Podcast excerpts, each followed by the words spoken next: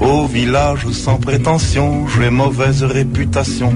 Je me démène ou que je reste quoi, je passe pour un je ne sais quoi. Je ne fais pourtant... Hola, Santi Jiménez. Què tal? Molt bon dia. Hola, Malcom Otero, bon dia. Què tal? Bon dia. Um, la setmana passada no vau uh, fer il·lustres execrables. Ens quedem encara amb l'últim que vau fer, que era el mossèn Cinto.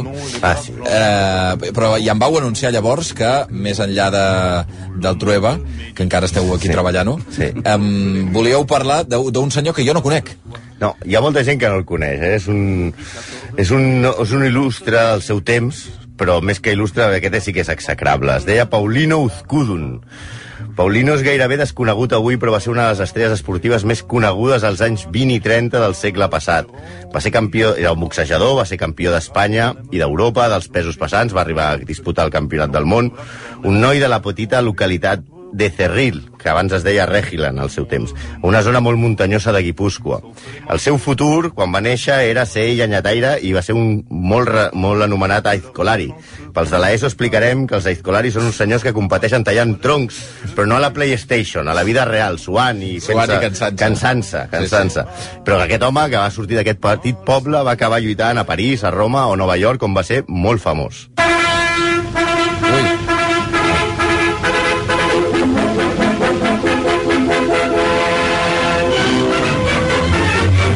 Eh, del Nodo? Sí.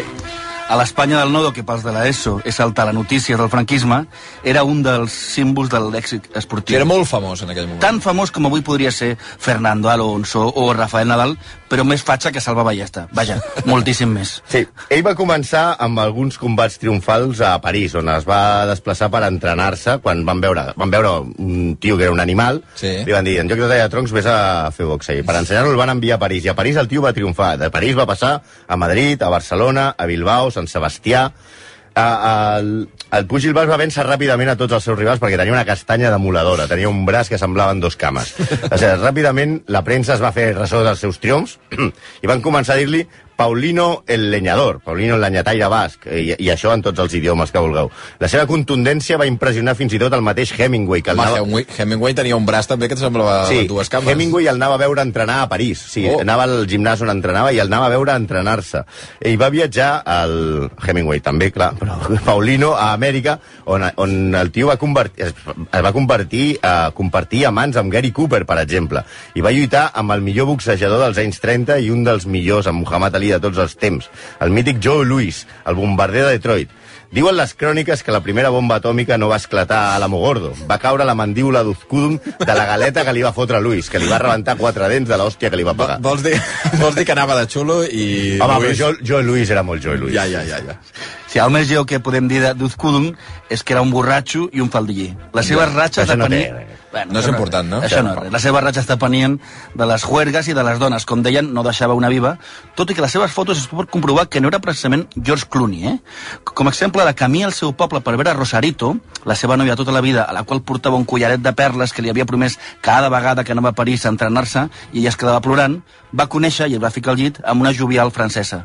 Li va regalar el collaret de perles i no va tornar a veure la seva noia mai més, ni una carta, res. Ara Rosarito ja tenia motius per plorar, tot i que potser, en el fons, li va anar molt millor, molt, molt millor sense el Colari. Sí, segurament. Sí, també quan era... També va ser amant d'una soprano russa. Elena Sadoven, la Venus bolchevique, li deia la premsa Oh, de l'època. Es va embolicar amb la soprano a l'Hotel Oriente de Barcelona, de Barcelona, quan la, la soprano cantava al Liceu, no? Al mateix temps ella es va enrotllar amb la, amb la soprano i amb l'ajudant de la soprano. O sigui, que tenia una secretària i també. S'allitava amb totes dos. Aquesta, aquesta secretària es deia Tània. Quan Uzkudun i la soprano s'allitaven, s'assabentava tota Barcelona. Es veu que cridava més la russa en posició horitzontal que sobre l'escenari del Liceu. No. Quan, sí, es veu que això ho explica ell No. mateix, eh? Quan les dues van descobrir el que passava, o sigui, quan es van donar compte que estaven anant al llit amb el mateix Uzkudum, en lloc d'avergonyir-se, l'Uzkudum els hi va dir bueno, que se quede la que sea, però decididlo ya. Oh, Un senyor. no em puc creure. Als Estats Units va viure a Hollywood i va conviure amb les estrelles del moment. Era un personatge molt famós.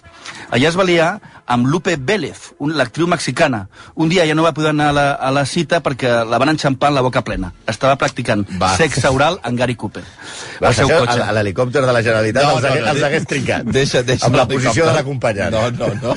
Aquest fet, que és gairebé com el de Hugh Grant i Divine Brown, va fer que el cowboy de Montana se separés de la també actriu Clara Bau, que, casualitats de la vida, també era Manduzcudun. Però un moment, hi havia algú que no fos amant d'Ozcudun? És que, Sembla, clar, sembla que no, que no deixa, ja, ja, no, no, no sabem quin és, quin és el seu mèrit, bueno, hi ha sospites. té, Ja. té molt mèrit que triomfen tant als Estats Units, a més, perquè en la seva vida no va parlar ni una paraula d'anglès. perquè Mai, això sí. era... O sigui, no sé de, què- de què parlaven Clara Bou, però no parlaven molt. Seguim amb les nòvies. Va tenir de núvia a l'actriu i vedet molt famosa de l'època, Tina de Jarque. Ella va prendre la decisió de deixar-ho tot per casar-se amb Paulino. Això és com, va ser com un cas tremendo a l'època, perquè ella va dir que tancava la companyia i s'anava a viure amb Paulino Uzcudum. I estem parlant com si ho fes ara no sé, la Tania Doris o Lina Morgan, una, però, però un guapo, eh? Aleshores, Paulino li havia regalat també el corresponent collar de perles que ella es posava sempre que l'anava a veure. Bé, de fet era l'única cosa que es posava.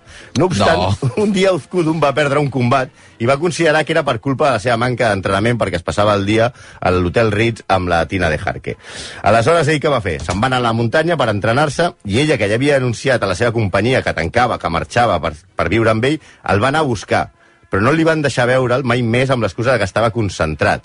No el va tornar a veure mai més. La seva especialitat era deixar les xicotes amagant-se. Mai va tornar a parlar amb ella. tot un estil, eh? Tot Sí. un estil. Però tot el que feia, la veritat, estava bé per l'opinió pública, perquè Uzkudun era un ídol que sobrepassava l'esport. Una mena de Pantoja, el cordobès, el guerrero d'Antifat, tot en un. Però aquesta barreja, amb Pantoja, el cordobès i el guerrero d'Antifaz. La seva, la seva marca personal eren les seves dents d'or. Ah, a sobre portava dents d'or. Totes sí, les sí, dents sí. Li, li havia saltat tot d'una de les hostes que li havien donat al, al, al, al ring, però Homer eh, Smith, només, només ell li va arrencar sis d'un cop de cap. I ell va recollir les dents i, i després el va deixar cau. Sí o no? Sí, sí, sí. I I si un cop ja li havia rebentat les dents... Dents li va, li, va, li va donar. Van escombrar les dents del ring i el tio va deixar I va cau a seguir. Homer Smith, a un Sí. combat a Tampa, Florida. Tenia, tenia, tenia la boca com el tauró de les pel·lícules de James Ai, Bond. sí. El tio, la veritat és que vivia com un rei, viatjava per tot el món, gastava el que no estava escrit i va publicar una autografia amb un títol molt misteriós, La meva vida. Robert molt bé, Capa, molt bé, com a autobiografia realment és un títol brillant, eh? Fins i tot Robert Capa li va fer un reportatge. La veritat és que era, era una estrella. Una estrella covarda, eh? De la mateixa zona d'Euskadi, aquí hi havia una història molt curiosa. A la mateixa zona d'Euskadi, d'Uzkudum, era també un altre boxejador, que es deia Isidoro Gaztàñaga. També triomfava, també va començar com a izcolari i també sentia gran debilitat per les faldilles. La diferència és que Gaztàñaga era molt guapo. Als Estats Units li deien el Bello Itzi. La rivalitat entre tots dos, que va començar com a amics però que de seguida es van odiar a mort, tenia pendent no ja a Espanya, sinó a tots els aficionats a la boxa del món. Com Pablo Iglesias i Arrejón, però en catxes, saps? Vull dir, en aquells dies el duel més esperat d'Espanya era un Uzkudun Gaztàñaga. Uzkudun, que era uns anys més gran, no volia combatre per por de perdre. Ah, sí, o sigui, el tio li deia, no, no, vés amb el Castanya, i ell, no, no, no. conya. I a més a més s'odiaven a mort. I ell eh, sempre se les va apanyar perquè no posar excuses i no poder lluitar entre ells. Si no van lluitar mai. No, ara veureu la història. Excuses, viatges, lesions... Ni tan sols es va venir a defensar el seu títol de campió d'Europa per aquesta por al fracàs davant de Gaztàñaga. Però ni tan sols les cartes que Gaztàñaga escrivia als diaris insultant-lo motivaven el combat. Jo, Isidoro Gaztañaga, boxeador de Ibarra, quiero pelear contra Paulino Uzkudum, boxeador de Regil, cuanto antes, y quiero que ese combate se celebre en casa, en el País Vasco. Acepto todas las condiciones que ponga porque quiero terminar de desfigurarle esa cara de perro de presa que tiene. Sí, no, s'insultaven... Això ho enviaven a través dels mitjans, Això eh, publicaven cartes. als diaris i, i, i Gastàñaga el va anar insultant amb les cartes, però era inútil. Ni la mediació de la Federació de Boxa que va amenaçar Uzkudum amb desposseir-lo del trofeu si no posava en joc la seva corona abans d'un temps Clar, perquè, perdona, o sigui, quan guanyes un títol l'has de posar L'has de en posar, joc. exacte. I ell sempre feia, estava de gires als Estats Units o a l'Argentina, on fos. I al final la Federació Espanyola de Boxa i la Federació Europea de Boxa li van dir, escolta, si no ho poses amb aquest, en sis mesos no poses en joc el, el títol amb el Gaztàñaga, et desposseirem del títol. O sigui, allò que deia el Núñez se li va cansar. Se li va cansar. Però, què va passar? Doncs que a, a, Paulino, a més d'una estrella covard, era una estrella estafadora. S'associa Ah, també? Amb, sí, o sigui, no, ho, ho té tot, és tot un, no, totes les virtuts les tenim en, en una sola persona. S'associa amb el Rodrigo Rato de l'època, un tal Daniel Strauss, d'on ve la paraula estraperlo, mm. per muntar uns combats. I va ser un fracàs total i perdre molts, molts calés, i per compensar, Paulino es va ficar amb el famós eh, negoci de la, de, la, de la ruleta de Strauss i Perl, que és una ruleta que té una trampa i que enganyen, és, és una estafa, i Paulino, Paulino aleshores comença a sortir als diaris, però ara involucrat amb l'escàndol més gran de la República que em va tombar el Partit Radical, el govern, bueno, ja sabeu que hi havia l'època de Rus, o sigui, vull dir, l'escàndol, lo, lo de. Gürtel avui és, no és res comparat amb allò que va caure al I era govern. per una ruleta. Per una ruleta falsa, D'aquí sí. neix la paraula estraperlo, Sí, sí. de Strauss i Perl, que van fer... Però aquest després va, va fer caure el govern. Vull dir, Ell, que fins i tot havia dit eh, que era, era republicà, quan es va produir, produir el cop d'estat, es va fer simpatitzant, eufemisme, de la falange. Ui, ui, ui, ui, ui, ui, ui. Perdona, però, o sigui, el, el senyor Uzkudun, clar, com que era al mig de la república que li va enganxar tot el merder, va dir, no, jo em faig de la Clar, falange. El covarde Quin, Uzkudun ma, quin mal roll, treu-me això, Dani, treu-me Ja. això, per favor. va veure en treu-m'ho, nacional la possibilitat d'escapar-se a la condemna que valia a sobre pel cas de l'Estraperlo, que, fem, que recordem va passar en els últims temps de la República. Aleshores, quan va haver el lanzamiento nacional, va reunir un grup de falangistes de la zona armats i el primer que va fer va ser anar a buscar, per matar-lo, el polític del PNB Manuel de Irujo, amic seu, amb el qual havia menjat i jugat a pilota feia només dos mesos. Després va destrossar el Club Cultural Esportiu GU, que en bas vol dir nosaltres, de Tolosa. No tindria més valor simbòlic aquesta arrasada que van fer amb, amb la seva pandilla de, de falangistes, si no fos perquè el que va ser directiu d'aquest club, el doctor Goiti, era el que el va ajudar a començar i el va recolzar desinteressadament. Expliquem, el que el, el va veure i li va pagar tot el viatge a París i li va pagar tots els entrenos va ser el doctor Goiti, vicepresident del club GU, que ell, el primer dia de la Guerra Civil, va entrar amb uns falangistes a arrasar. Ell el, ell el va allotjar a París, el va buscar entrenador, el va fer entrenant-se. El mateix Goiti, després en el curs de la guerra, va caure pres, i malgrat les cartes de la família de Goiti a Uzkudum perquè aquest l'ajudés, no va moure ni un dit. Ladis Goiti, el mentor d'Uzkudum, va passar anys a la presó.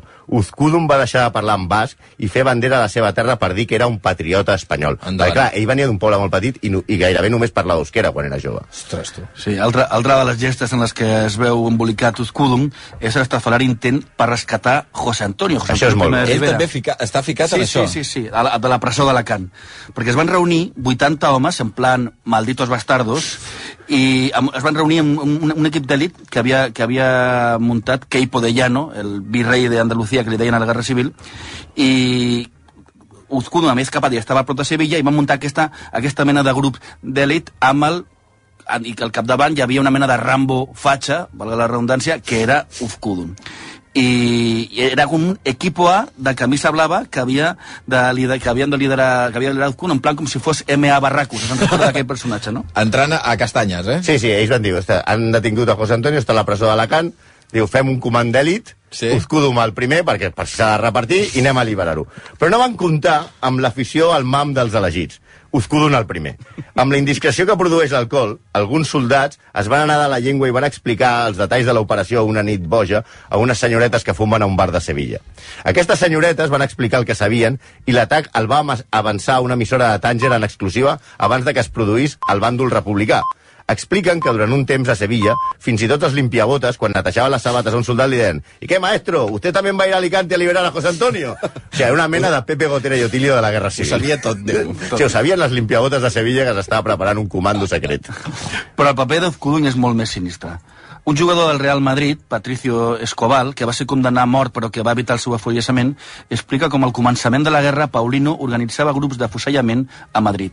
A més, al camp de concentració de Sant Joan de Mo- Mozarrífer, eh, Paulino es passejava i anava dient aquest, aquest i aquest. El, els que havia d'assenyalar es pujaven un camió i ja no tornaven mai. Executats, clar. En la primera fila de ring, al pie de cualquier cuadrilátero, en cualquier combate de cualquier lugar del mundo, siempre hay un antiguo campeón. Paulino Uzkudun. No tienen, no tienen ni idea. Aquest és la primera fila de Sí. Hosti, tu. Ell, ell és, eh, és aquest, aquest tall es correspon a aquest fragment a la gran pel·lícula de Manuel Summers de 1966, Juguetes Rotos, en la que, entre altres, apareix Uzkudun en un retrat patètic, com a excampió mig tronat, que encara es pensa que és un símbol, i es queixa de que ahora la gente solo habla de Ramallets, de Garay, de Gento y de Lola Flores. I a mi m'han oblidat. Sí, A la, a la pel·lícula es veuen part dels seus mítics combats contra Smelling o Carnera, però també la seva vessant de falangista apallissant a soldats 25 quilos més prims que ell en combat d'exhibició a, a, a la glòria del franquisme. La seva xuleria de posar-se a fer flexions sobre el ring quan deixava un cau a un rival era una altra de les seves especialitats. déu nhi uh, Paulino Uzkudun, uh, persona... o sigui, era uh, fatxa, eh, faldiller, Covard. covard, Estafador. estafador, o sigui, ho tenia tot. I a sobre encara volia que el anessin celebrant. Sí, sí. Magnífic, magnífic. Uh, el personatge. Paulino Uzcudun. Mira, no el coneixíem, però ara ja, ja li donem directament el carnet dels il·lustres execrables. Sí, té més d'execrable que il·lustre. Sí, aquest, eh? exacte. I la setmana que ve eh, ja teniu Trueba preparat o encara no? No. No, encara no. Encara heu de destapar una miqueta més. Anirem a una, un mite del cinema antic que aquest ens farà. És molt més simpàtic, Uzkudu. Parlarem de Errol Flynn. Errol Flynn. Perfecte.